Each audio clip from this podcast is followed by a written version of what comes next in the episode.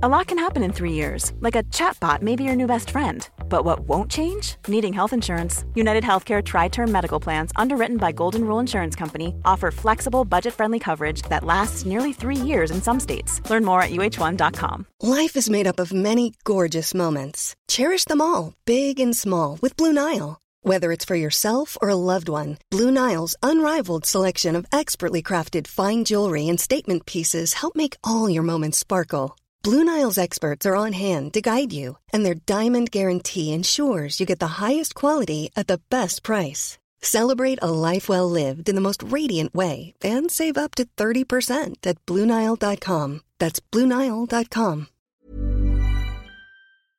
Det galna är att du har en bättre sannolikhet om du bara singlar slant och går på vad myntet säger, än att du lyssnar på en expert som ska uttala sig om framtiden. För myntet ger dig åtminstone en 50-50 chans. Du lyssnar på Rika Tillsammans-podden som handlar om allt som är roligt med privatekonomi. I den här podden får du varje vecka ta del av konkreta tips, råd, verktyg och inspiration för att ta ditt sparande och din privatekonomi till nästa nivå på ett enkelt sätt. Vi som gör den här podden heter Jan och Caroline Bolmesson. Idag är det dags för avsnitt 140. Och eh, idag, det är en fortsättning på avsnitt 138 som handlar så här, vad säger forskningen? Ja, om hur man investerar sina pengar bäst. Ja, precis. Ja. Ja. det är inte en cancerpodden. Nej, det är Eh, inte cancerfonden. Nej, vad säger forskningen Ja. om det? Nej, men eh, vad har hänt sen sist? Det har ju hänt ganska mycket. Ja, eh, alltså det är jätteroligt för att när, när vi började den här serien, Vad säger forskningen, så var jag så här att detta har jag tänkt ganska länge att vi skulle göra. Och sen så var det så att jag skulle vara med i en paneldebatt och prata just då där jag skulle vara den som stod för liksom det passiva sparandet i indexfonder, liksom lite det som an, anses vara lite tråkigt.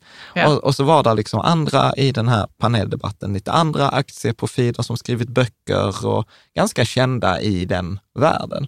Och det var ganska roligt för att då efter 45 minuter, då har jag hänvisat till ganska många studier. Så här, men studierna säger det här, forskningen säger att det är liksom de flesta underpresterar mot index, för de flesta är det bäst att bara välja en passivt förvaltad eh, global fond typ eller en fondrobot eller så här. Och det var lite roligt för att eh, då efter typ 45 minuter så en av de här andra deltagarna i panelen, han var så här, ja jag skiter väl i vad forskningen säger. Och jag blev, Ja, men han var kanske inte intresserad av att, av att eh, spara passivt. nej, Utan nej, nej, nej, han har an- han hade skrivit, kanske en annan vinkling in på sitt sparande. Eller det var Så. som en hobby då kanske. ja, så, så. Men inte var, alltså att han inte var så urskild i det. Att varför håller han på? Liksom? Ja, det, det vet jag inte, det, vågar, jag, visst- inte- det vågar jag inte uttala mig Nej, det men, vet vi inte. men, Men, men det intressanta var att han har skrivit böcker om hur man då hur man, eh, liksom, ja, men hur man blir framgångsrik med aktier och sparande Ja. enskilda aktier trots att forskningen då inte stödjer forskningen det. säger att, man inte, att det är svårt att bli framgångsrik. Väldigt, väldigt, väldigt Det är svårt. för få utvalda. Ja, nej, det är knappt för få. Vi kommer att prata om det. Jag tror inte vi kommer att hinna i dagens avsnitt Nej. med, med den forskningen, eh, utan jag tror att det blir nästa del i den här serien. Men, men jag tyckte ändå det var väldigt, för jag blev helt chockad. Jag var så här, jag, vad, vad säger man efter det? Och först när jag sen åkte hem i bilen, och detta stör jag mig på med mig själv. Jag är Alltså så här, jag är påläst och så här, men jag är inte snabb i huvudet när, när, jag, när jag blir egentligen. överraskad. Nej, nej. Så jag kommer ju aldrig på de smarta Känner igen, de flesta känner nog igen sig. Man Ja. kommer på det smarta och säga efteråt. Ja, och då var jag så här, men tänker du så med läkare också? Att vet, man går till en hjärtläkare och så säger hjärtläkaren så här, ja men det finns ett sätt som forskningen rekommenderar, men jag tänkte ge mig själv chansen att testa ett annat sätt. Mm. Liksom. Och jag, jag tänker så här, det, det, det vore vi väl inte okej med? Nej. Och, och, sen, och sen då, och jag tror vad det handlar om, vi kommer, vi kommer återkomma till detta, men jag tror att detta handlar om ett av de här beteendemisstagen som vi människor gör. Att vi vill så ogärna acceptera att vi är medelmåttiga eller sämre än genomsnittet. För det är lite roligt, för jag hade två sådana workshoppar eh, också som, är, som vi håller någon gång då och då om året. Och så ställde jag en sån här frå, frå, ö, fråga. Hur många av er i detta rummet är sämre än genomsnittet på att köra bil? Och statistiskt så borde ju rätt svar vara hälften, eller hur? Att har man en grupp på 100 pers Så den femtionde personen kommer vara hälften och sen kommer hälften, eller vara genomsnittet och sen kommer 50 procent vara bättre, 50 procent sämre. Men Varför då, skulle det vara rätt?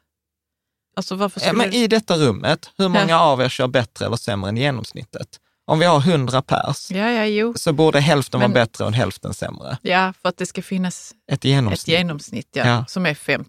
Ja, Mm. ja, eller hur? Eller hur? Visst. Men då gjorde till exempel då, gjorde ju If, en eh, försäkringsbolaget, en studie på detta tror jag 2017, där de frågade så flera tusen personer, är du, är du, kör du sämre än genomsnittet, som genomsnittet eller bättre än genomsnittet? Och då var det så här, 61 procent körde bättre än genomsnittet och 4 procent körde sämre än genomsnittet.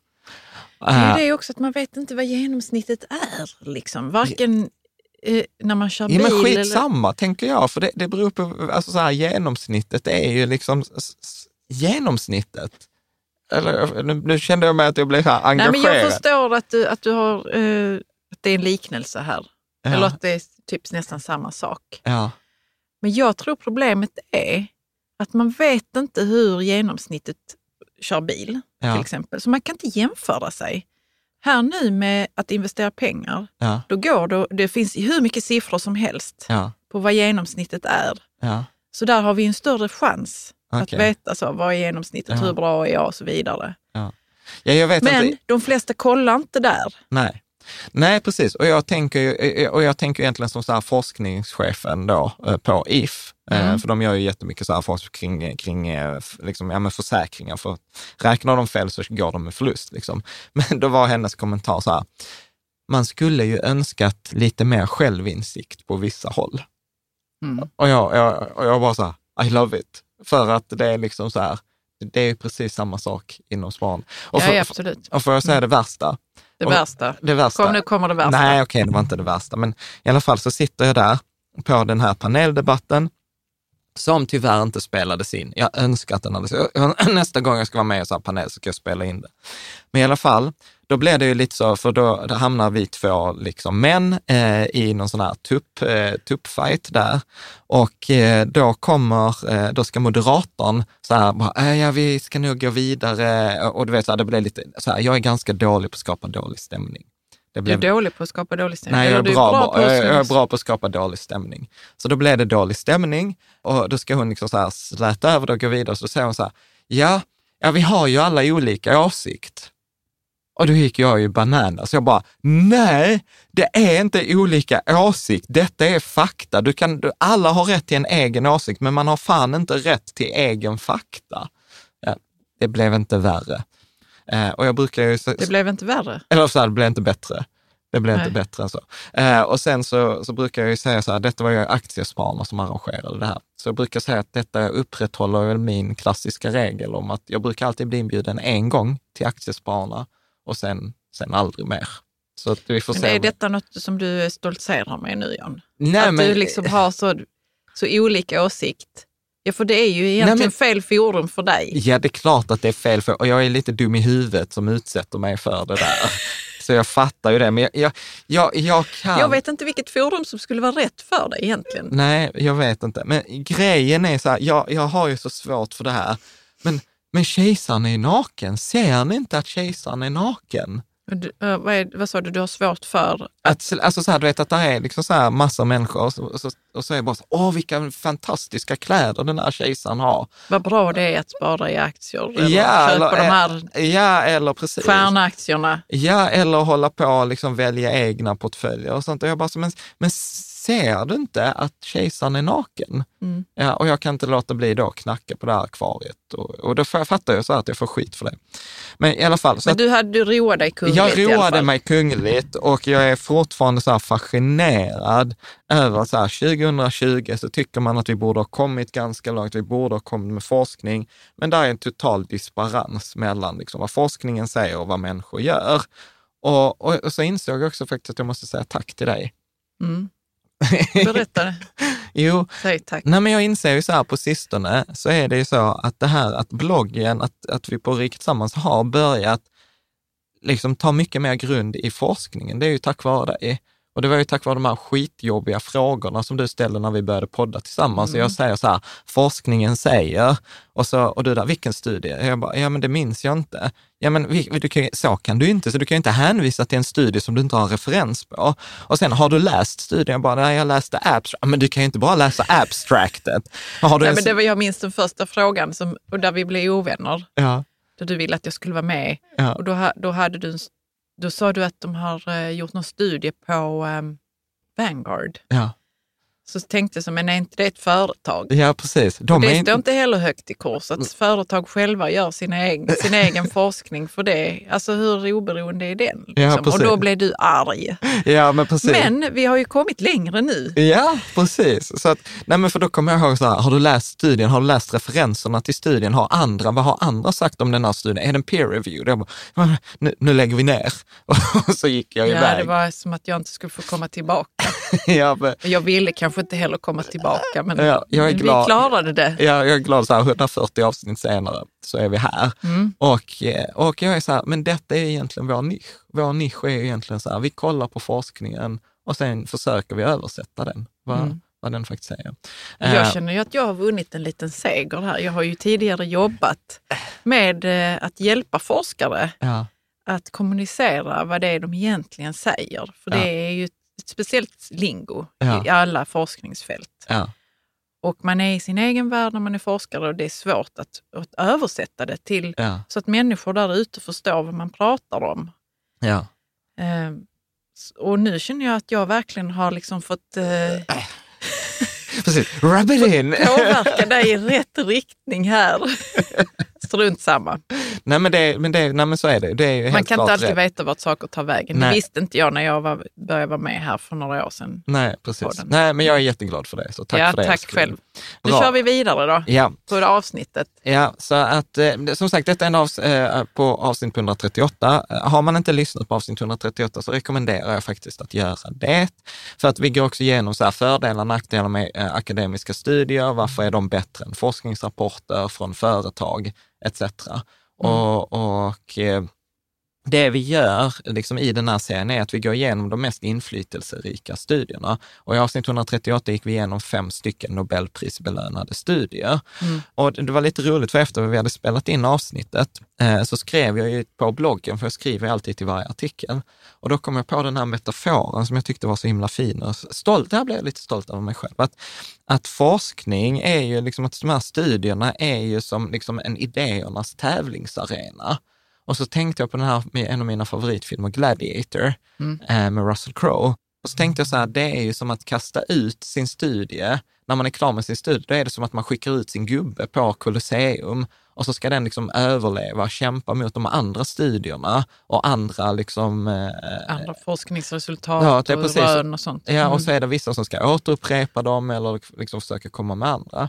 Så att jag märker ju också att det är väldigt mycket brus Eh, liksom. För att då är det någon som kastar upp en sån studie och vi kommer att prata lite kanske om marknadstiming i dagens avsnitt eller i nästa. Och då är det liksom studier som eh, liksom gjordes för massa år sedan som säger så här, men marknadstiming är i princip värdelös. Det går, det går inte. inte. Det går inte, det medför inget mervärde.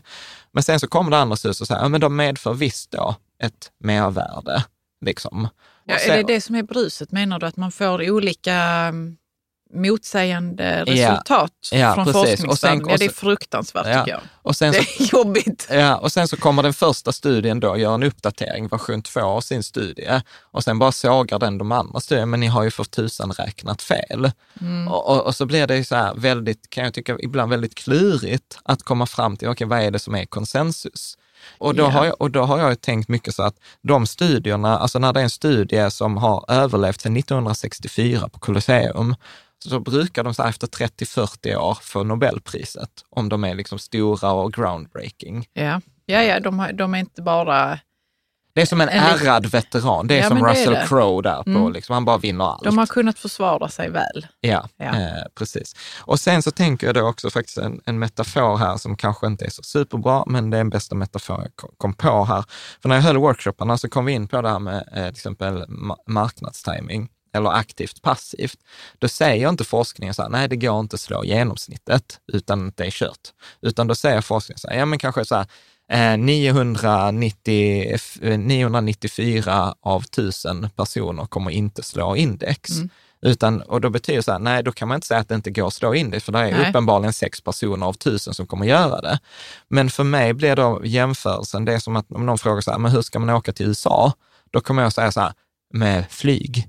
Liksom, för det är det som är lämpligt för 994 personer. Sen är det sex personer, som typ till exempel Greta Thunberg, som kan segla över till USA. Men bara för att det går att segla över till USA så betyder inte det att det är lämpligt eller att det är det som de flesta borde göra eller det är det som man borde rekommendera.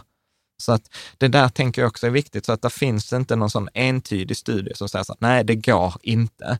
Utan det jag upplever är så här, att ja, men ska vi gå vänster eller höger? Och då kan jag säga så att ja, men det är med 90 procent sannolikhet bättre att gå vänster än att gå höger.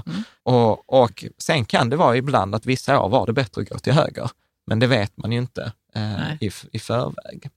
Ja, detta var ju ett väldigt långt intro till Det var dag- väldigt långt intro, ja. Men Ja. vi, ska vi köra igång då? Ja, så att eh, samma, precis eh, samma som så här, a- ansvarsbegränsning som i avsnitt 138 är som att vi har sammanställt källor, vi har gjort våra egna tolkningar och vi hoppas att precis som vanligt ni läser, är det så att ni har en annan åsikt eller vi har missuppfattat eller sånt, så bara återkom i kommentarerna.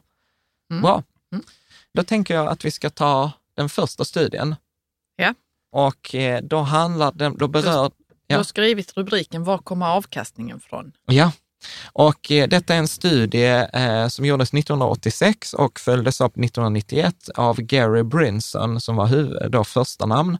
Eh, och den heter då Determinants of Portfolio Performance. Och det som är intressant med denna studien, studion, studien är att detta är en av de mest citerade studierna och Inom ekonomifältet. Inom just hur man sätter, hur man sätter ihop ett sparande. Vad är det som är Inom viktigast? just- just den- den frågan. Hur den ska man frågan, sätta ihop sin portfölj? Mm. Och det roliga är att när man läser om den här studien så är denna att nio av tio referenser till den här studien har missuppfattat studien. Vilket är så här lite jobbigt, eh, för att Okej, eh, de, som de som citerar studien har missuppfattat ja, den. nio av tio För du säger att många, gör, många Ni- citerar den. ja, nio av tio referenser till den här studien är fel. Vilket Vadå, jag vet inte, referenser? Ja, nu får vi eh, skilja ut här vad som är vad. Ja, men man har misstolkat studien. Man tror att studien svarar på en fråga som den inte svarar på. Ja, okej, bra. Ja. Mm. Och jag ska säga att jag är, jag är lite rädd för just de här tre, fyra minuterna som kommer att följa här. För jag vet inte om jag är en av de nio. Varför har de missuppfattat? Är den för att den är svårfattlig? extremt komplicerad och den svarar på tre frågor och eh, de tre frågorna tycker jag är väldigt lika. Så att, Ja, eh, så att jag har faktiskt gjort så här att jag har ringt till eh, en kompis i finansbranschen som jobbar med portföljkonstruktion och försökt bekräfta att jag har förstått det rätt och han sa så har jag också förstått den. Så att jag tänker att vi gör ett försök och sen så får någon här hojta till om vi har fel och då Ja. får vi komma med en rättelse. Mm. Men den här studien i alla fall, den undersökte 91 stora pensionsfonder. Och det där för jag När pratar är den ifrån sa du? 1986 och 1991. Och Mm. sen har det gjorts uppföljningsstudier 2000, 2010, men de är liksom fortfarande same same. Då undersökte man eh, ni, eh, 91 stora pensionsfonder och det är lite roligt för jag brukar ibland prata om småsparare. Och så fick jag en fråga här på workshopen, så här, men du Jan, vilka är de där storspararna? Eh, Bra då- fråga. Ja, så storspararna är ju ofta pensionsfonder, eh, till exempel Norska oljefonden, statliga fonder, eh, eller till exempel så här, alla lärare i Kaliforniens pensionspengar-fonden. Det är typ sådana. Så detta är en sån här pension. Och det som då de konstaterade var att 90 procent av variationen av avkastning eh, förklarades av tillgångsallokeringen. Eller Kan då, du bara förklara vad en tillgångsallokering Ja. är? det vill säga då att man har gjort eh, liksom en, en finansieringspolicy som säger så här, vi ska investera 90 procent i aktier, 5 procent i räntor, 5 procent i guld. Ja. Ja. Mm. Så, och då, då säger, då säger jag liksom så här att den majoriteten av avkastningen kommer alltså komma från det tillgångslag som du väljer, alltså hur du sätter ihop din portfölj. Och då är liksom min slutsats här är ju att det är ett väldigt litet utrymme på att vara duktig. Det vill säga, Hur då menar du? Jo, men om, om, 90, om liksom som de kom fram till att 90 procent av, eh, av variationen i portföljen förklaras av tillgångsallokering, Eh, så betyder det att 5 procent eh, av avkastningen, då, eller variationen, förklarades av valet av aktier, ungefär 2 procent av marknadstiming. Så att det här valet av aktier, marknadstiming etc. spelar väldigt lite roll i förhållande till beslutet aktier eller ränta. Hänger du med? Så att eh, om, om vi liksom, vad det handlar, vad, vad jag upplever, detta är vad jag upplever är slutsatsen från denna studien. Och det är liksom lite, för mig hamnar detta i så här kategorin sunt förnuft.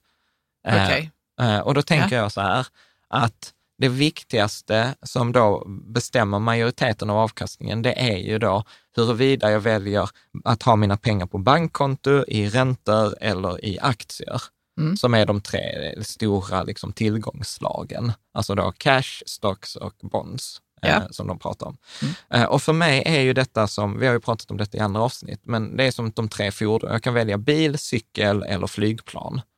Och om jag ska ta mig från Malmö till Stockholm, så kommer fordonet kommer avgöra om det tar en dag på cykel, sex timmar med bil eller en timme med flyg. Mm. Sen kan jag välja en snabbare bil, men det kommer fortfarande ta kanske fem och en halv timme. Ja, det kommer inte vara stor skillnad Nej, mellan det- snabb och, och vanlig bil. Nej, Mm. men utan den stora skillnaden kommer ligga mellan cykel och bil, eller cykel och flygplan, eller bil och flygplan. Mm.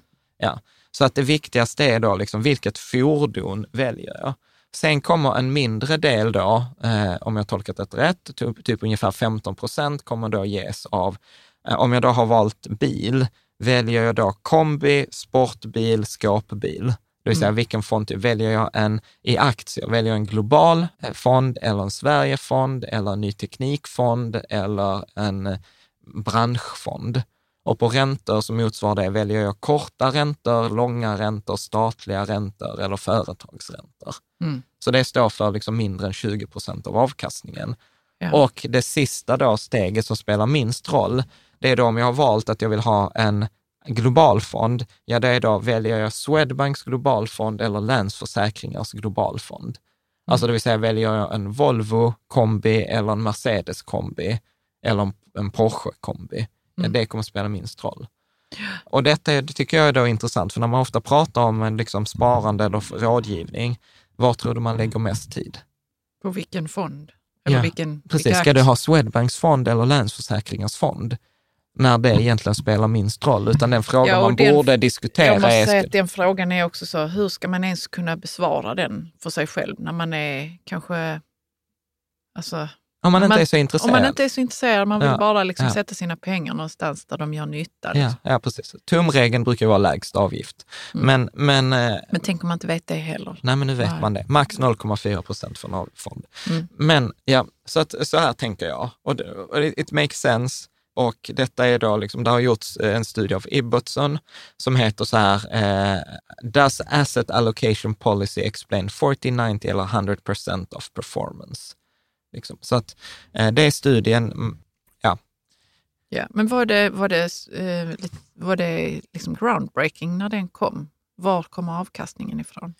Var det något som ingen hade tittat på, vad du vet? alltså den har ju inte fått Nobelpriset, så att nej, så groundbreaking är Nej, den men jag inte. tänker det, kan, det finns ju saker som, som frågor som folk inte ställer. Nej, men- Och sen när någon ställer frågan, ah, då liksom öppnar det ögonen. Ja, Nej, men jag, tror, vis. jag tror att många använder den här studien, så som jag förstått att förklara att äh, till exempel, äh, det är inte lönt att hålla på med aktiv förvaltning. Mm. Medan jag tror inte att det var den frågan som de svarade på eh, i sin studie. Och det är därför den är liksom så svårförklarad, den här studien. Du vad sa du? De, det var inte den frågan de svarade, på. Nej, utan det är många som använt denna studien för att säga så att det är inte lönt att försöka hålla på med aktier. Eh, Mm. liksom, eh, utan. Man det- använder den till sin egen... till för sin, e- egen tolkning. Ja. Ja.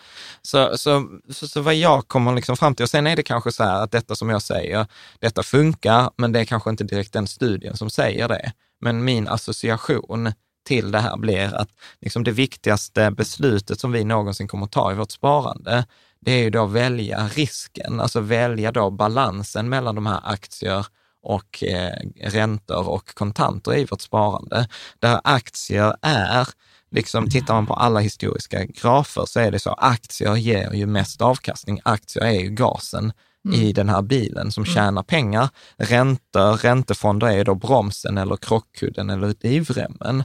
Och då är ju liksom tanken att den rekommendationen som jag brukar säga, som jag också sa då på paneldebatten och som jag fick så mycket skit för från de andra paneldeltagarna. För då säger jag så att tumregeln är 10 procent i aktier per år man har i sparhorisont. Så har jag typ eh, ett års sparhorisont, ja då ska jag inte ta typ några aktier överhuvudtaget, utan då ska jag typ ha bankkonto. Om jag har sex års sparhorisont, ja då 60 procent aktier, 40 procent räntor.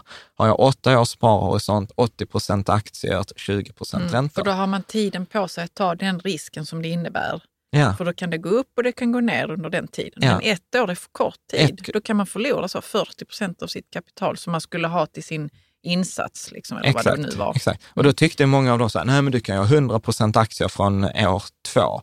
Och jag var bara så här, eh, va? Och, jag, och, så, och du vet, men detta är väl lite roligt, för detta är väl kanske olika åsikt då, men för mig blir det typ helt oansvarigt att rekommendera 100 procent aktier på två års sikt.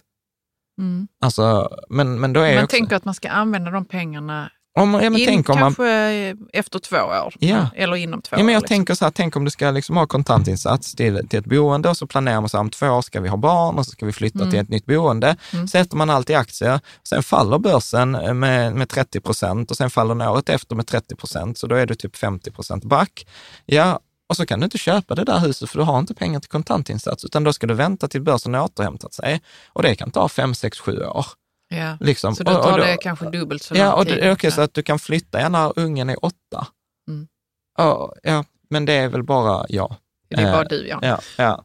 Så, att, eh, så att jag har ju lagt ut på bloggen i många tidigare artiklar den här försle, för, förslag på fördelning av då mellan kontanter, det vill säga kontanter i min värld är bankkonto. Så jag, för mig är så här, kontant och bankkonto same same. Eh, räntor och aktier, eh, då fördelning på ett år, två år, tre år, fyra år, fem års spar och sånt etc. Och då börjar vi på 100 procent bankkonto för att år två säga så här, ja men 40 procent bankkonto, 40 procent räntor, 20 procent aktier. Och sen år tre plockar vi bort bankkonto, för då är det ju den här risken med inflation, att pengar minskar i värde. Och så börjar vi på år tre, börjar vi då med 30 procent aktier, för det är 10 procent per år du kan låta pengarna vara. Och 70 procent räntor. Och sen minskar man antalet räntor för varje år som går. Ja, men det, men det blir, eh, bara förtydliga här nu att man vet hur länge man ska spara till någonting kanske. Ja, Säg att man har fyra, vi ska sätta undan pengar i fyra år. Ja, då går man in här ja. och kollar, ja men då ska vi ha Då är är ett det förslag, 40 procent aktier. Det är inte som att man sparar sina pengar i ett år och sen år två så kan man börja gå på nej, saker. nej, Men det, ni fattar säkert, Ja. alla ni som lyssnar, ja, precis. Man kan, vad kolla, Jan menade här. ja, man kan kolla på illustrationen som finns på, Ja, på, på, på bloggen. Ska vi ta nästa? Du har skrivit här på din eh, lilla iPad, Pharma French faktormodell. Det Ja. är nästa artikel. Ja, det är faktiskt inte en artikel, utan det är tre, Tre. tre, Mm. artiklar. Mm. Och detta är ju ganska spännande. Detta är samma Eugene Pharma som vi pratade om i förra eh, avsnittet. Nobelpristagaren i ekonomi. Ja, som eh, skrev den här artikeln om effektiva marknadshypotesen, som byggde, utvecklade den här KPM-studien av det William Sharp. I- avsnitt 138. Mm. Och, och detta är lite roligt, för när man börjar kolla här så ser man ju så här, han, han är Eugene Pharma, han har legat i.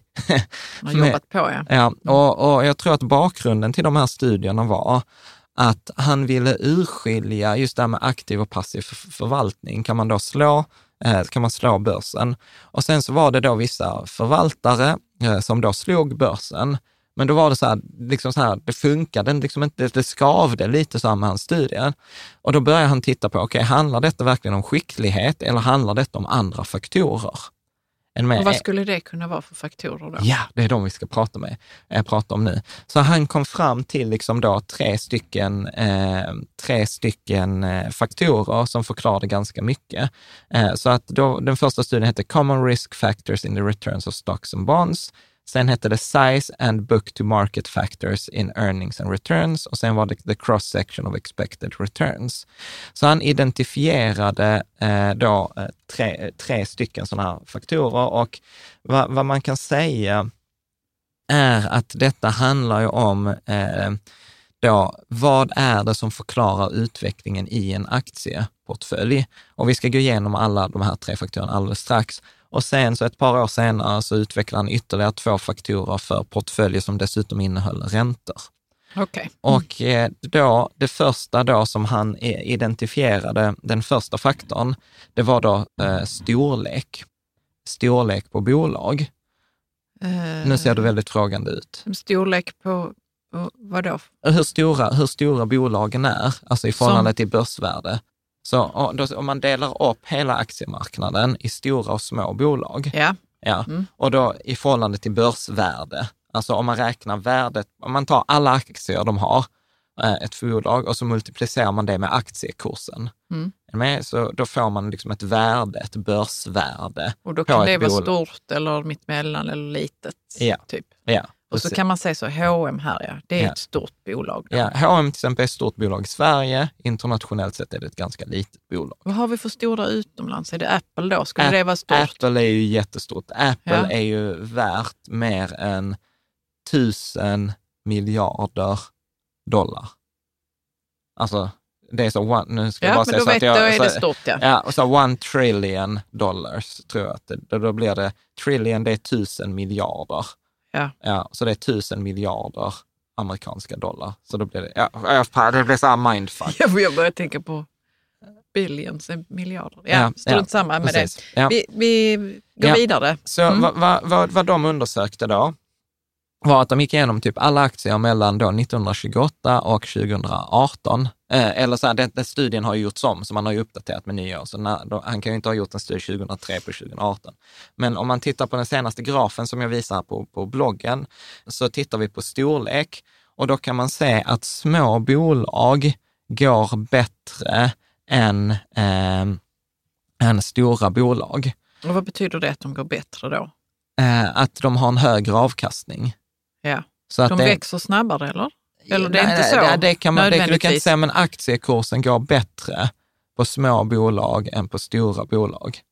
Så Mm. på, på ett Mm. enskilt, eh, på ett enskilt, om vi tittar på ett enskilt år, så, så är sannolikheten att, eh, liksom då, eller i, på ett enskilt år så kommer små bolag som grupp gå bättre än stora bolag i 64 procent av fallen.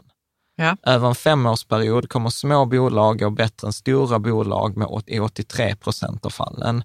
Och över en tioårsperiod så kommer små bolag gå bättre än stora bolag i 93, 93 år av 100. Mm. Så detta är till exempel en av anledningarna till varför vi i vår portfölj lägger till småbolagsfond, en sån här global, Handelsbanken Global Småbolag, för att vi vill ha den här exponeringen.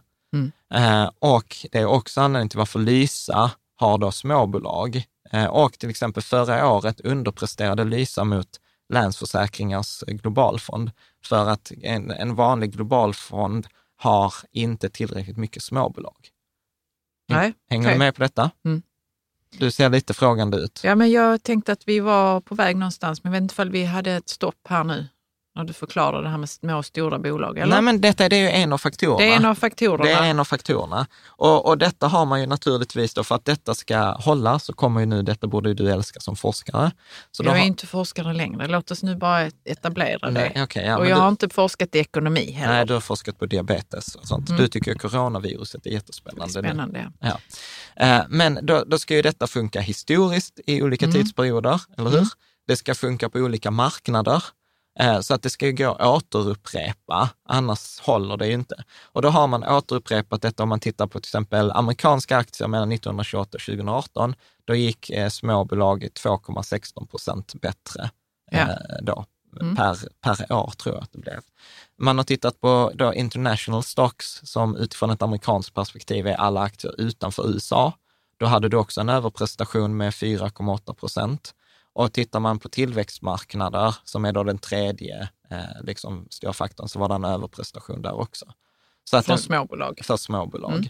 Så, att, eh, så att detta är ju det som en, man kallar på engelska kallar man detta för dimensions, alltså en sån här faktor. Så French Pharma Three Factor Model och så pratar man olika dimensions. Och detta är också anledningen till att Pharma har ju då kapitaliserat på sin forskning, så han har ju startat ett bolag som heter Dimensional, som jobbar då med indexfonder med en sån här slagsida mot de här tre... Småbolag.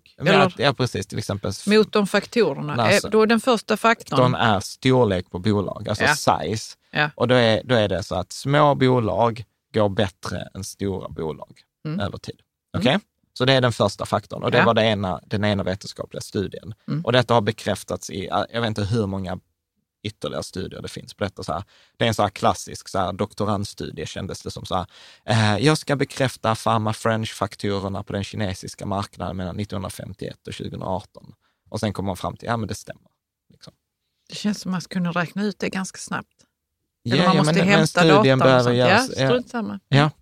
Eh, Den andra faktorn är då eh, värde versus eh, tillväxt. Så bolag som kan klassificeras som värdebolag istället för tillväxtbolag, alltså om jag ska säga mer mogna bolag, eh, något slarvigt Ja, sagt. kan du ta exempel på värdebolag? Ja, men eh, oj, nu är jag ju inte så här att jag kan exakta definitionen, men, men det är ett bolag, så jag ska säga så här, det, det är en vuxen eh, medan ett tillväxtbolag är en eh, ungdom. Alltså typ så här, Uber är ju ett tillväxtbolag, eh, medan jag skulle till exempel säga att SKF är ett värdebolag. Alltså så här, var är de i sin fas? Detta Jo, kände jo, jag- ja, ja. men det är inte helt klockrent för mig. Vad gör nu SKF? Gör de kullager? Kullager, det är så här, så här 100 år gammalt bolag, typ alltid gått med vinst. Nu har jag inte kollat om de alltid har gått med vinst, men jag hittar på att de alltid går med vinst. Alltså Ja, så du, de- du har ett stabilt bolag, alltså jag förstår inte vad, vad, vad det är så, så Nej, det men jag svåra. blandar förmodligen ihop så här att eh, nu så gör de ju en produkt. Men Det har inget med produkt att göra. Nej, det har det är ingenting bara- med det, vad de gör. Men, Det har inget med verksamhet att göra. men det är förstår bara... inte, vad, är, var, var säger man att värdet kommer då? Ja, men liksom? skit i värdet. Det handlar bara om, är det ett tillväxtbolag? Är det ett tillväxtbolag som öppnar nya butiker på nya länder som liksom ökar sin försäljning för varje år? Eller är det ett bolag som är moget, som har en stabil verksamhet, som gör vinst varje år, eh, liksom, som är bra värderat, men det är ingen hype kring det, för det okej. växer ja, men Jag inte. tror jag fattar. ja. jag men jag jag fattar fattar. inte, det ena växer, det andra växer inte. Vad är det svåra? Nu, nu, nu kändes det som att du eh, tycker att jag är frustrerad. lite dum Ja, här. men det tycker jag. mm. jag. Är det någon annan som också känner sig dum? Vi behöver faktiskt få det lite klargjort, Jan. Det är Ja. inte alla som vet vad ett värdebolag är. Nej, men jag tycker jag har förklarat här. Ja, men okej, men jag behövde bara få höra så. Eh, lite exempel på Ja. vad ett värdebolag gör Ja. och vad ett tillväxtbolag gör. Och liksom Ja, men det spelar ingen där. roll vad de gör. Nej, men, jo, det är klart att det Nej, spelar roll. Därför nej. att du sa, du, för mig var det tydligare när du sa att ett tillväxtbolag växer och öppnar kanske nya butiker eller eh, tar sig till nya länder och så. Ja. Medan ett värdebolag har sin stabila verksamhet, liksom, Ja. där de, de behöver inte växa mer kanske. Ja. Ja. Ja. Bra. Alla kan inte veta det som du vet, Jan. Nej, men nej, vi går vidare. här nu. Ja. Ja. Så att eh, om man då tittar Eh, på det här så kommer då värde, eh, värdebolag kommer då slå eh, då, de här tillväxtbolagen. På ett års sikt så är det 50-50, så kan det till och med vara så att, att, att tillväxtbolagen är bättre. Men tittar man på en femårsperiod så i 81 procent av alla fall så kommer eh, värdebolag gå bättre än tillväxtbolag och över en tioårsperiod så kommer eh, värdebolag gå bättre i 82 procent av fallen. Så att eh, så fort det har passerat fem år så är värdebolag bättre än tillväxt, eh, tillväxtbolag. Och så har man tittat... Varför är det så? För att det, nu så... Nu kanske jag tänker fel, men ett värdebolag känns ju som att eh, då är det ju ett sånt här... Det kan vara ett stort bolag till exempel. Mm, Medan ett tillväxtbolag är lite mindre. mm, Och då fick jag ju höra innan att småbolag är de som går bättre ja, än de stora. ja. Har, ja men alltså, så här, återigen, samma sak. tänker jag fel nu? Ja, samma sak. Storleken på bolaget behöver inte vara korrelerat till att alla bolag ska bli stora Nej. eller att alla små bolag är tillväxtbolag. Du Nej. kan ju ha små Mm. bolag som är värdebolag och du kan ha stora bolag som är tillväxtbolag. Mm. Så det spelar liksom ingen roll. Nej. Men vi faller ofta i att små bolag ska ju bli stora. Nej, Ja, men man faller i den tankefällan. ja, så, behöver det, så behöver det liksom inte, eh, inte vara. Mm. Nej, men jag, jag, så här, jag ska vara helt ärlig, jag vet inte varför det är så. Om jag skulle spekulera Jag kanske kan återkomma i nästa avsnitt om det. Men om jag ska spekulera så är det så att mogna bolag är ofta mer lönsamma. Liksom på det sättet. De har slipat bort ja, kanske och det tillväxt som... kostar och tillväxt kan gå Ja. fel. Liksom, medans, eh, ja, så jag, jag, jag vet inte. Det är Nej. bara en spe- spekulation. Och de har inte skrivit det där heller i... Säkert, men jag tyckte inte den frågan var så intressant. Vad du bara garvar åt mig här. Jag känner mig skitirriterad där. För att du bara, så, "Äh, hur vet du? Jag bara, jag vet inte. Det, Nej, men liksom- jag, nej, men vi är intresserade av olika saker, Ja, såklart. ja. Och vi ska, vi ska inte uppehållas uppehålla oss för länge. Nej, nej. Man, man kan, det finns ju så kallade faktorfonder och, och sånt. Så när man ibland ser så här, ja men faktorfond, då är det detta som de här fonderna ofta utnyttjar. Den sista då, tredje faktorn eh, som, eh, som han kom fram till, han Farma French, det var så då profitability. Och då var det ju att, eh, eh att aktier med hög lönsamhet går bättre än aktier med låg lönsamhet, eller företag med låg lönsamhet. Vilket man också kan tycka verkar ganska sunt förnuft. Att ett företag som är mer lönsamt kommer över tid gå bättre än ett företag som är mindre lönsamt. Ja, det är så enkelt så jag vet inte hur jag ska liksom wrap Sabba my head around it. Ja, och eh, tittar man då på eh, överprestationen så, så kan man säga då att eh, bolag som är då, har hög lönsamhet kommer i 77 procent av fallen gå bättre än låglönsamma bolag eh, på ett års sikt. På fem års sikt så kommer- är det 100 procent av alla tillfällen som lönsamma high profitability-bolag går bättre än low profitability. Men detta känns också som en sån där eh, grej som du gillar jättemycket. Du gillar ju bolag som är lönsamma Ja, och jag har en grej kring bolag som inte är lönsamma ja. eh, men som ändå kör sin business. Liksom. Att du, du, har, du gillar inte det. Nej, jag gillar inte bolag där jag som investerare ska subventionera kundernas pengar. Ja. Som exempel, Och till tror... exempel då? Ja, men är då- det Spotify du nej, tänker nej, på? nej, eller nej, nej, men det tänker var du till på? exempel Lyft, det här Uber-konkurrenten. Nu Ja. minns jag inte exakt siffrorna, men då var det så att om någon åkte då eh, taxi, den här Lyft-taxin i Kina eller vad det var, för 100 kronor, så betalade kunden 36 kronor och investerarna betalade 64 kronor av den taxiresan. Mm. Mm. Och för mig är det så här, det är ju sjukt i huvudet. Ja. Liksom. Eh, och sen så är jag så här att, att jag tycker, alltså så här, jag är väl eh, lite, lite gammaldags där. Alltså jag tycker ju till syvende och sist så är ju ett företags uppgift att tjäna pengar till aktieägarna. Om inte ett bolag tjänar pengar till aktieägarna, vad är då dess existensberättigande? Ja, men jag håller med dig. Liksom, så att det där. Så, Det, det är ju otroligt, eh, otroligt tydligt för mig mm, eh, det här med att saker måste, det måste finnas någon som vill ha det ja, och är villig att betala. ja, Och, och säljs den då så är det något som är osunt i det. ja, Så, så tycker jag när det kommer någon och knackar på vår dörr och vill sälja någonting till mig och så säger jag så, nej men jag, jag vill inte ha det, eller det är helprissatt, liksom. det är så helt otroligt dyrt. kaffe för 250 spänn så vi hade en kille som knackade på. Men jag Ja, köpte det. Ja, du köpte det, men jag kan vara så, alltså, ja visst betalar jag för att slippa gå till ICA för att handla det där kaffet, men, Ja. men jag vill ju inte det. Jag går ju hellre till ICA då ju. Ja, men, Men det blir liksom, jag, jag blir så, åh ja, här har jag, här måste jag köpa med hjärtat och Ja. jag är inte okej med det Nej. på något vis. nej, nej, men jag... det är något jag, som är, blir osunt för mig där. ja, Jag gillar också att, att man vill ha något, man betalar för det. Ja. Liksom. Och vill man inte ha och vill någon inte betala för det du vill sälja så är det inte någon bra idé. Nej, då är det inte någon bra idé. Eller så är du kass på att sälja. Så att, men där bör man ju urskilja, eh, urskilja Ja, vilket, vilket som är vilket. Nej, men så här, sen precis som du säger, jag tror vi pratar om lite olika saker här. När någon kommer hem och säljer, till exempel som nu, nu var det någon 18-årig kille som ville finansiera sitt eget företag. Jag hade gett honom pengarna utan kaffet. Mm. Alltså, jag tycker man ska stödja eh, sådant. Men, men om vi hoppar tillbaka hit. Så den sista faktorn då som, eh, som eh, Pharma då pratar om, det är ju att räntor, eller att aktiemarknaden slår räntemarknaden. Och då tänker ju alla att, ja men hur ofta, hur ofta tror du att räntemarknaden är bättre än aktier? Att det är bättre att ha 100 procent räntor än 100 procent aktier? Det är inte ofta det. Ja men ish. Ett av tio. Vi har ju pratat Ett om att av aktier... hundra år kanske. Ett av hundra år. Ja. Okej, ja.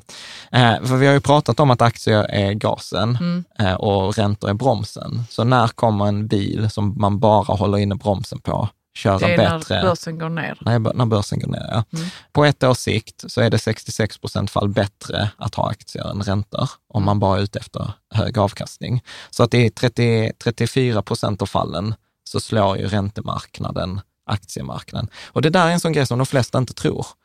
Att vi hade till exempel 2018, då gick ju faktiskt att räntor överpresterade mot aktier. Men det tänker man inte på. Så jag hade fel egentligen. Ja, du hade jättemycket fel, men jag tänkte att jag skulle bara gå vidare och låtsas som att du inte hade fel. Ja, Vi kan säga att jag hade fel. ja. I'm fine with it. På en femårsperiod så slår aktier räntor i 74 procent av fallen och i, på en tioårsperiod så slår aktier räntor i 83 procent av Men fallen. på en hundraårsperiod, vad kan det vara då? Ja, men då, Det då skulle inte, jag men då nog, det ska jag nog 90. säga, ja då skulle jag säga väldigt, väldigt högt. Men ingen av oss har en 100 års sparhorisont. Nej, men Så. då kanske jag ändå inte hade fel. Jag sa ju ett år av hundra. Att räntorna slår. Ja, men kan- så kan du ju inte säga. Varför kan jag inte det? Nej, men för att vi har ju fakta att på ett års sikt så är det i 66 procent av fallen bättre att, att ha aktier än räntor. Jo, jo, men tänk att du har hundra år. Ja, så kommer ju 66 av de 100 åren vara bättre med aktier. Nej, Jo. nej, för ett år är inte samma som hundra år. Vi vet ju att under en hundraårsperiod så slår ju aktierna räntorna nästan alltid. Ja, men det beror på om du investerar ett enskilt år eller 100 år. Det, jag tror vi pratar om två helt olika saker. Ja, det kanske vi gör. Jag pratar Mm. om, en, liksom, om du investerar på ett års sparhorisont, hur många ett års sparhorisonter kommer du gå bättre med räntor? Ja, då är det 34 procent, eller omformulerat, aktier är bättre på ett års sikt i 66 procent av fallen. Mm. Okej? Är vi Ja. överens där? Vi är överens, men jag pratar ju om en längre tidsperiod, för du frågade mig innan. Nu tänkte jag så att jag kanske inte hade fel ändå. Okej, vi fortsätter. Men Vi Eh, kan ta den här diskussionen utanför podden sen. Ja, ja, jag, jag har någon känsla av att de flesta kommer heja på dig eh, i det här. Jag vet inte vad jag har gjort här för att förtjäna detta öde. Jag tror inte det, Jan.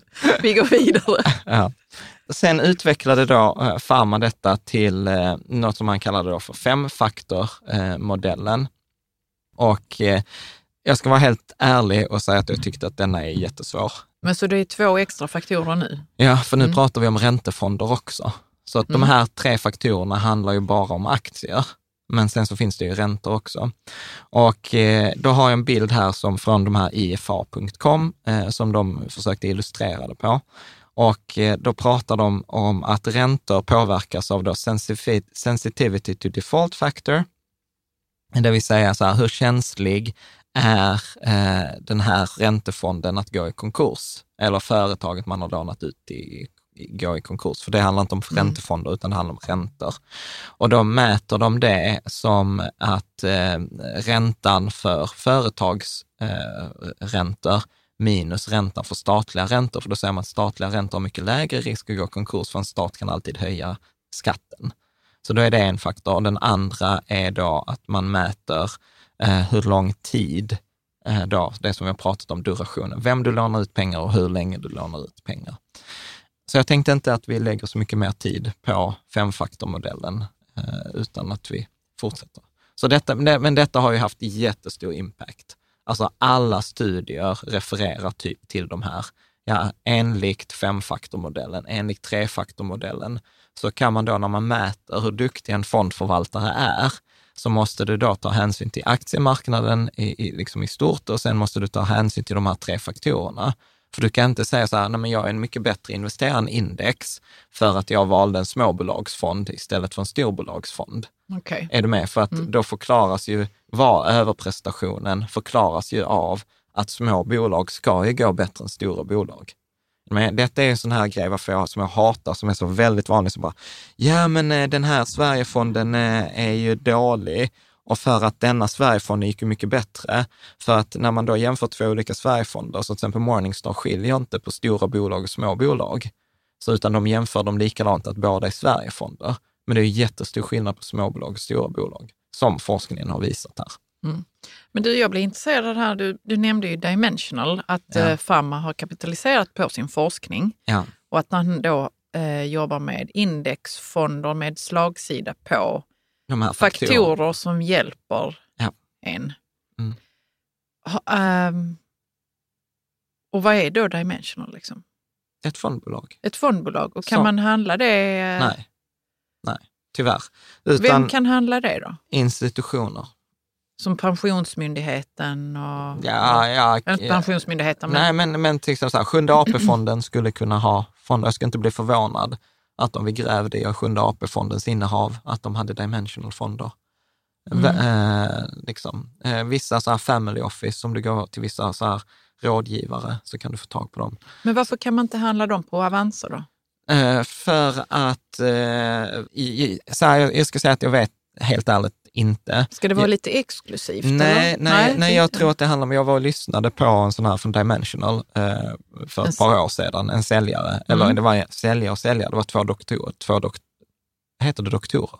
Eller? Ja, men det kan man, När man är färdigdoktorerad. Dok- doktorer, men det, de doktorer. kan ändå vara säljare. Ja, Mm. eh, som var skitgrymma, som pratade om det här. Och då sa de liksom att en, ett stort problem här är ju att man vill ju inte ha den här med småspar att göra som tar in och sätter ut pengar. Alltså tar in och, tar Nej, ut. nej, att man själv eh, bestämmer hur mycket som, alltså Ja. när och hur ur. mycket Så de vill in. inte ha sådana liksom inflöden. Ja, Och jag tror att de också bara handlas, typ du kan inte handla varje dag etc. Så de vill alltid att det ska vara en finansiell rådgivare som rekommenderar och förklarar och allt, gör allting innan du kan köpa dem. Så problemet som jag ser är att de flesta rådgivare som tillhandahåller de här dimensional, så även om de här dimensional-fonderna är superbra och att de tar typ så här 0,2 procent i avgift, så tar ofta de där rådgivarna 1 procent emellan. Så att du får den där fonden, men du betalar 1,2 procent eh, mer i avgift. Och, och då, och då blir, blir, och det då inte blir lika mycket värt. Nej, och då blir det inte lika mycket, för då äter ju den avgiften upp fördelen som du får från de här faktorerna. Så att det är, en- så att det är en grej. Sen är det ju så att, att när jag pratade med Paolo Sudin i avsnitt 87, som är då professor, så säger han så här, ja, alltså Pharma har ju fått eh, Nobelpriset för effektiva marknadshypotesen och, och Sharp fick ju för CAPM-modellen. Detta har man inte fått Nobelpris för, för detta är liksom, denna gladiatorn har inte stått där ute tillräckligt länge. Så där finns till exempel nu, till exempel som, eh, som han Paolo Sudini sa, att det forskningen fortfarande är lite oklar på, är de här faktorerna populära för att de har fått mycket pengar och liksom det har varit enklare för de bolagen att prestera bättre, eller är det för att de genuint är bättre? Och han var så här, the jury is still out there. Ja. Så att, eh, men, men när jag tittar på det så tycker jag så här, det verkar ganska solitt. Liksom. Sen tittar man på, pratar man med Lysa eh, till exempel, Eh, så, ha, så var de också så här, ja vi har också läst de här studierna, vi är väl också så här lite avvaktande till att implementera det. Eh, och sen är det också så här att det är ganska komplext. Eh, liksom, för då ska man liksom förklara alla de här faktorerna och bara den diskussion du och jag hade kring värde och tillväxt, tänk att försöka förklara det för någon som inte ens är intresserad. Är du med? Och ibland är det bättre att ha en enkel plan som man förstår, som man följer, än att ha liksom en superoptimerad plan som man inte förstår och inte följer eller Mm. överger. ja, Eh, liksom. absolut. Ja, så att, eh, men det, det, det finns ju vissa fondbolag eh, som håller på med faktorinvesteringar. Min, min, mitt mål har ju varit att försöka hitta någon till, till podden som är duktig på just de här faktorinvesteringar. Men, Ja, jag det tyckte varit att det, spännande. men jag tyckte att det var svårt att hitta någon. Mm. Så att om det är någon där ute som känner någon som är riktigt duktig på de här fakturorna och forskat på det här, så kan ni inte hojta till. Så kan vi se om vi kan dyka Mm. ner, så kan du få en bättre förklaring eller, eller dra ner brallorna på någon annan. eh, Här. Det kommer jag inte göra. Ja, nej, men det gör det bara det. är Så. Jag gör det Reserved för för mig. Ja, ja. Mm, tack. Bra, jag tänker faktiskt att vi ska ta två studier, eh, två studier till i dagens avsnitt Mm. och sen får vi runda av. Så vad handlar nästa studie om? Jo, nu ska vi lämna så här supertekniskt med faktorer och sånt, utan vi ska prata om gurus. Gurus och eh, experter. Mm. Eh, för att det har ju naturligtvis gjorts mycket forskning eh, på då hur duktiga är analytiker och sådana som skriver i nyhetsbrev eller i tidningar, typ Dagens Industri eller Börsveckan eh, eller den typen. Och eh, den första, en av de första studierna som gjordes, eh, då som jag har hittat, det var då John Graham och Campbell Harvey som gjorde en studie som heter Market Timing Ability and Volatility Implied in Investment Newsletters and Asset Allocation Recommendations. Väldigt lång titel. Men vad de Och gjorde... var är den, när är den ifrån? Den är från 1994. Mm. Eh, och det man gjorde var att man gick igenom 15 000 rekommendationer eh, från 237 nyhetsbrev mellan 1980 och 1992. Och det är sådana här ekonominyhetsbrev där man får tips eller? Exakt. Mm. Så man får tips eh, på liksom, eh, detta ska du köpa, detta ska du sälja, så här ska din portfölj se ut, eh, etc. Typ, ja men tänk tidningar, liksom, typ Wall Street Journal, Dagens Industri, men också sådana här nyhetsbrev som man kan köpa, du vet, så här exklusivt nyhetsbrev med de bästa tipsen. Absolut, mm, sådana finns ju. Ja. Och det de konstaterade efter att gått igenom 15 000 rekommendationer var att under den här perioden så var 88,6 procent var sämre än index. Av alla de tipsen. Ja, så av eh, 200, vad var det, 237 nyhetsbrev så var 210 av dem sämre än att du, du bara köpte en vanlig indexfond. Mm. Så det går i linje med mycket av den andra forskningen. Och endast då 11,4 procent, 27 av 237 eh, nyhetsbrev var bättre Mm. eh, än index. Och då återstår återigen samma problem här. Kan man slå index? Ja, uppenbarligen är det ju vissa som gör det, men sen kommer ju nästa fråga. Så var det skicklighet eller var det tur? Det vill säga, om vi hade kollat på nästa tioårsperiod, hur hade det gått då? Ja, och du, jag måste ställa lite frågor här nu. Oj, oj. Nej men, Jan, nu så har vi en trevlig diskussion här. Ja. Jag tänker att det är Det är människor. trevligt för dig som ställer Nej, frågor. nej, men- jobbigt för, för mig som ska med. svara. För dig med. Ja, vi har en diskussion, du behöver Ja. inte känna att du måste svara så himla bra. Ja, jo shit. Det är ju människor som har liksom vaskat fram de bästa tipsen som de delar med sig av. Då kan man fråga sig så. Kommer det att finnas sån här artificiell intelligens som kanske gör det mycket bättre? För vi människor har ju en tendens att liksom favorisera och ha åsikter fastän vi tror att vi är objektiva och så. mm. När vi, när vi ger ifrån oss, när vi säger saker. Mm. Så Liksom. de tänker att AI kommer vara objektiv? Att den kommer att ta bort de här biases? Ja, Mm. Det finns forskning som har gjorts på det. Ja, berätta, berätta, berätta. Som är ganska tragisk. Ja, berätta. Ja, eh, som var så Vi här, vill alltid höra att människan är bäst, eller?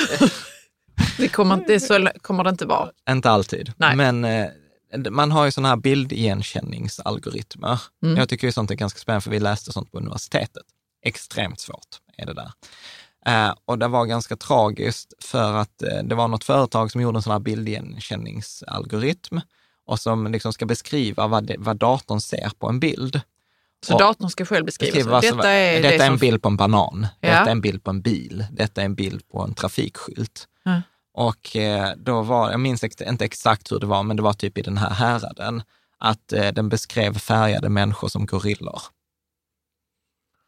Ja, Och och då, det- är den ju, då har man ju inte gett den tillräckligt med liksom, urskiljning. Nej, Alltså, nej. Det- vilket det var ju- visade sig... när var detta? Detta Ja, det var var ju något år sedan. 2000... Jag Nej, okej, det var något det- det år var- sedan. det var Jag bara tror- något år det var sedan. tidigare. Vilket visade sig att de bias som vi har som människor översätter vi på datorn för att vi matar in datorn med då till exempel, är det vita forskare så kommer de mata in fler vita bilder. Och då kommer Ja, datorn bli precis. bättre på vita människor än på färgade människor. Ja. Är du med? Så att, och detta, detta har ju visat sig i jättemånga studier att där är en sån här minoriteter, framförallt i USA, har ju jättesvårt med såna här automatiska algoritmer, för de blir alltid liksom Det blir alltid något fel. det blir alltid liksom. fel, ja.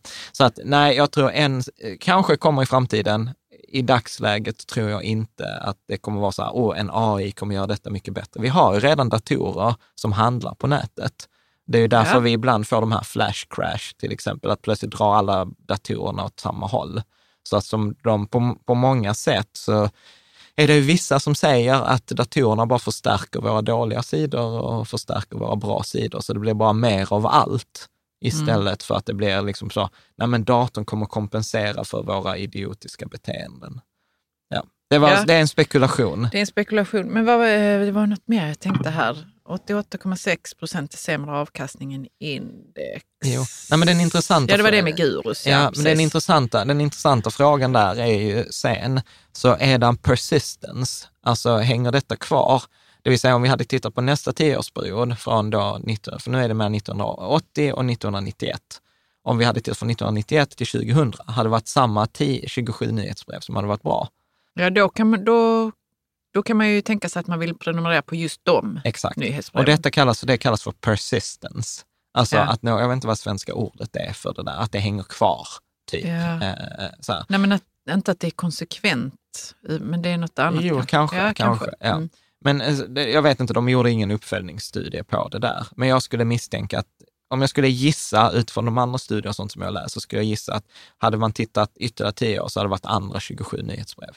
Så Ja. att det var bara så att i denna tidsperioden råkade de här tio vara bäst. Och så kan man, eh, liksom när man tittar sen, när vi kommer prata om tur, skilja tur från skicklighet, och att det var bara var tur att de här var bättre. Det som gör att det, är, att det är svårt för de här, det är förmodligen att vissa nyhetsbrev kommer inte finnas kvar. Nej, nej, nej, det har och du ju man också kan ju som, säkert kommer de att gnissla tänder, Ja. forskarna bara, vad i helvete, Jo, vi kan inte göra där- forskning på det här. Nej, det, men det, men det där är också så Mm. andra studier som jag har tittat på.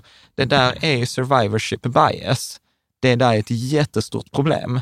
För att till exempel när man jämför fonder, för att Mm. 50 procent av alla fonder dör över en 15-årsperiod. Alltså Ja. de likvideras eller slås ihop. Vilket gör att gör du en studie på 30 år så kommer du ha hälften av fonderna kvar och sen kommer det komma in nya fonder. Och, och de första studierna tog inte hänsyn till det här. Och sen så läste jag i någon så här, ja, sen lanserade den och den forskaren den första databasen som eliminerade survivorship bias. Så att man, man har tänkt på det där i, Mm. i, i forskningen, i alla fall i de senare studierna. ja. Men i alla fall, så att eh, slutsatsen här var så här, lita inte på gurus, lita inte på analytiker. Sen gjordes det en ny studie eh, då, eh, som gjordes 2017 av David Bailey som hette Evaluation and Ranking of Market Forec- Forecasters, som gjordes 2017. Och eh, där gick man igenom eh, 6 627 förutsägelser från 68 analytiker. Eh, och det roliga med denna studien var att, alltså så här, om man tittar på de nyhetsbreven i den första studien så känner man inte igen några, typ. För det var ju Nej. så här 80-90-talet. Medan här i denna studien så kände jag igen flera stycken. Så Mm. det är ju liksom sådana som är aktiva idag. Och det var lite roligt för det släpptes en artikel här om veckan som också bara sågade experter. Och en av dem som blev sågad är John Maldin, som jag gillar, som fann Maldin Economics. Så hans nyhetsbrev förra veckan handlade om att, så här, nej, att han blev är, sågad. att han blev sågad. så det är ganska roligt. Så här, så Lite ser- självdistans har han väl? Ja, ja, ja, ja. ja men jag tyckte Mm. det var jättebra. Och han försökte inte förneka och han säger så här, ja, där finns ju vissa förutsägelser som jag önskar att jag hade plockat bort från nätet. Eh, liksom, men han säger så här, men för mig är det ett sätt att vara accountability. Att jag tar inte bort någonting. Var ansvarig för att jag är ansvarig för att jag har fel. Och han säger så här, ja men här, här hade jag spektakulärt fel i den här. Det var, en rimlig, det var en rimlig slutsats. Jag tycker fortfarande att det borde ha blivit så, men det blev Mm. inte så. Mm. Så, och, och där gillar jag också det som han och många andra säger så här, don't argue with reality.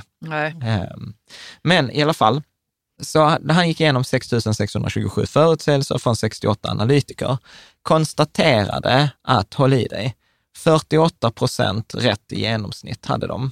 Det vill säga, det är ju värre än att singla slant. Mm. Så att, För annars får man 50-50 Ja, statistiskt, ja. Mm. Så att detta är lite roligt. Så ibland nu med när folk frågar mig intervjuer eh, och sånt efter att jag hittade den här studien för ett tag sedan och folk säger, ja men vad tänker du nu om coronavirusets eh, påverkan på liksom, aktiemarknaden? Så brukar jag säga så här, vet du vad, ta fram en femma och så singla slant för du kommer få ett bättre svar från myntet än vad du kommer få från mig, statistiskt sett. Mm. Eller från någon annan expert. Landade inte heller jättebra på paneldebatten Nej. när jag sa så. Kanske eh, förklarat. För du dödar ju diskussionen. De vill ha en diskussion här nu, Jan, om, om, eh, Ja, om hur, vad man kan tro och tänka. Det här är ju allmänmänskligt. ja, Det är bara det att man ut, att utgör det från att vara ett svar från en expert. ja, När man egentligen har en diskussion människor emellan. ja. om vad som händer i världen. Ja, om man vill ha en allmänbildning eller sånt så har jag absolut åsikter om det där, men jag hade aldrig satsat pengar på mina egna åsikter. Nej. liksom. Nej. Eh, så att det är, så att, nej, så jag brukar säga så här till folk så här, eh, om du läser någonting i Dagens Industri eller Aktiespararna eller någon rekommendation, singla slant. Det är bättre eh, liksom än att gå på vad folk säger. Över tid kommer det vara bättre. Vilket är helt sjukt. Men då måste man återigen tänka på så här, när man uttalar sig i media, detta har jag också gjort mig själv, eh, liksom, eh, inte tänkt säga jag har gjort mig själv till åtlöje, men gjort detta misstaget. Eller så här. När man är i media så vill man ju skapa uppmärksamhet. Det är det som är jobbet. Jobbet är inte att hjälpa någon annan med rekommendation som de kan tjäna pengar på. Mm, tanken är ju liksom, och där om jag skulle svara på frågan, nu, nu brukar jag inte svara på den frågan i intervjuer, men så här, hur tror du att börsen kommer gå nästa år? Det är en klassisk fråga som alltid kommer i början av året. Eh, då är ju det liksom så här, det statistiskt korrekta svaret är så här, ja men 95 procents sannolikhet kommer det hamna mellan minus 28 och plus 52 procent. Mm. Men det är ett helt ointressant svar. Men om jag däremot säger så här, du vet börsen kommer gå åt helvete, du vet börsen har gått upp i tio år, det kommer gå åt helvete, du borde köpa guld och konserver. Du vet, då blir det en rubrik, du vet så här, bloggare säger att man ska köpa ammunition och konserver. Liksom. Eh, så att, eh, så att experter och analytiker etc. Deras uppgift är att skapa klick. Hade deras uppgift varit att tjäna pengar, hade de inte varit experter och analytiker, då hade de varit fondförvaltare. Punkt. Jag tänkte på det med nyhetsbrevet, att man, kan ju, man skickar ut nyhetsbrev med tips. Ja. Men om folk, och så tänkte jag så här, om folk märker nu att tipsen funkar inte, Nej. då kommer de väl inte vilja ha nyhetsbrevet eller ens betala för det. Mm. Men Nej. Sen är det ju så att man går ju oftast inte tillbaka och kollar. Nej. Hur gick tipsen? Nej. Om det inte är så att man satsar pengar varenda gång ja. och märker att det, inte, att det inte går bra. Ja, just. Så att vi är lite dåliga på det där att utvärdera också. Absolut, skitdåliga. Och sen jämför med, med fel saker och sånt. Och sen är det, jag älskar ju det som Andreas Brock, eh, då från för allt Sheli, brukar säga så här, börsen är ångerns tempel. Mm. Man kan ångra sig när man inte köpte och det gick upp och man kan ångra sig när man köpte och det gick ner. Och man kan ångra sig när man köpte och det gick upp, för att man, man, köpte inte, köpt man skulle ha köpt mer. Mm. Och man ska ångra sig att man inte köpte. Alltså det är så här, man kan alltid ångra sig på börsen. Mm. Det är mm. liksom så här magiskt. Men jag tänkte på det du sa med att, att vad, vad, vad, gör, vad är experterna ute efter egentligen? Ja. Är det att tjäna pengar på att vi köper nyhetsbrev eller får nyhetsbrev, alltså som reklam? Ja. Eller vill de genuint jag tror att det är... Jag, jag tror, tror, det är en mix. Liksom. Ja, det är liksom. klart att det är. Det är, ingen, det är väldigt få människor som är psykopater och säger så här, nu är jag bara ute efter att maximera min egen, eh, egen eh, liksom, bössa, eller sparbörs. Eh, så att jag, nej men jag tror inte att folk är undan, men jag tror, att, jag tror att det är så typiskt som på den här paneldebatten, att, mm. man, att, man, att man tror att man är en bättre förare än genomsnittet. Mm. Och, och, och, kan hjälpa andra också. Ja, ja. Mm. och så gör man det i all välmening. Mm. Och det är där jag blir skogstokig. Vi hoppar tillbaka här för vi behöver runda av.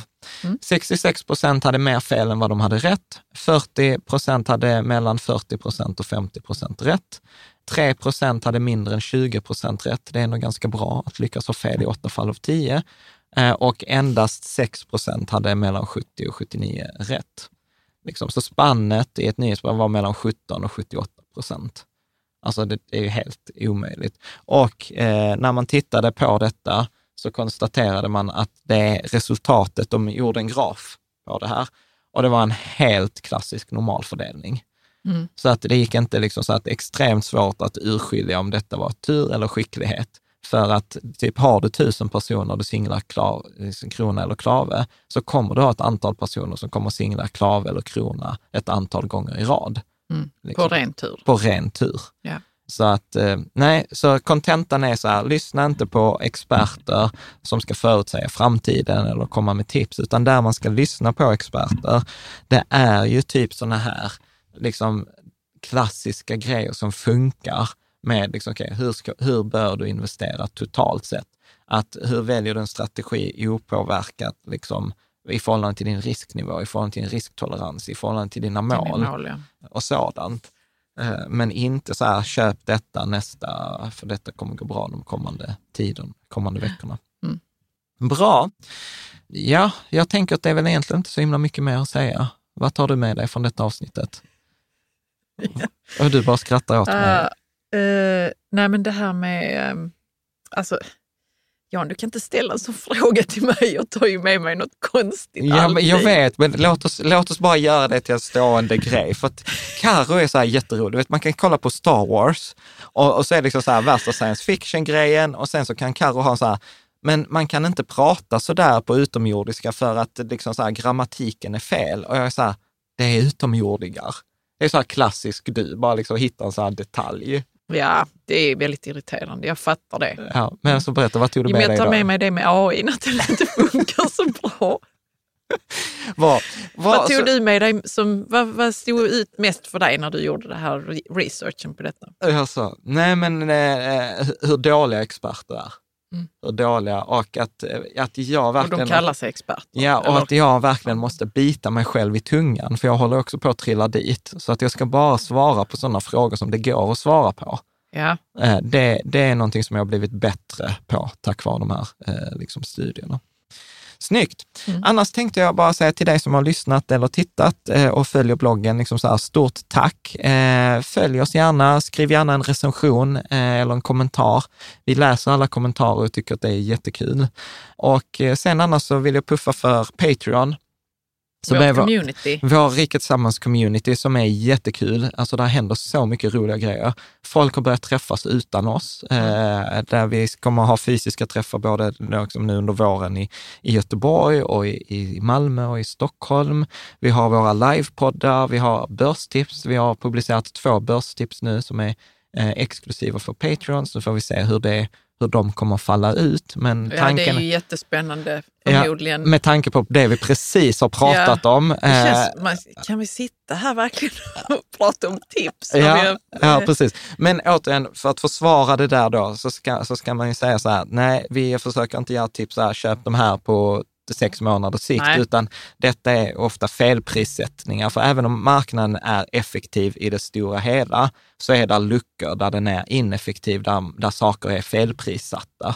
Ja. Och ofta handlar det om så här med till exempel börsintroduktioner. Och då är det ju alltid, där är alltid nackdelar med det där, men det har vi pratat om i andra avsnitt. Så då kan man gå in på patreon.com rika tillsammans. Och eh, annars så hoppas jag att vi ses eh, nästa söndag, precis som vanligt. Och ett stort tack för den här Tack. veckan.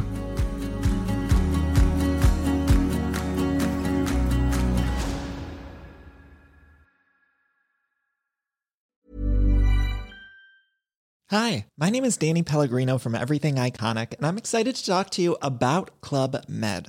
Club Med operates beach and mountain resorts and is the best all inclusive getaway for families. They have Club Med Punta Cana, their flagship family resort, and many other options in Mexico, the Caribbean, and around the world. Club Med are the pioneers of the all inclusive concept, which is the best way to vacation. Great for families, groups, or even solo travelers looking for land and water sports, delicious food, and a place to make unforgettable memories. Visit clubmed.us, call 1 800 Club Med, or your travel advisor.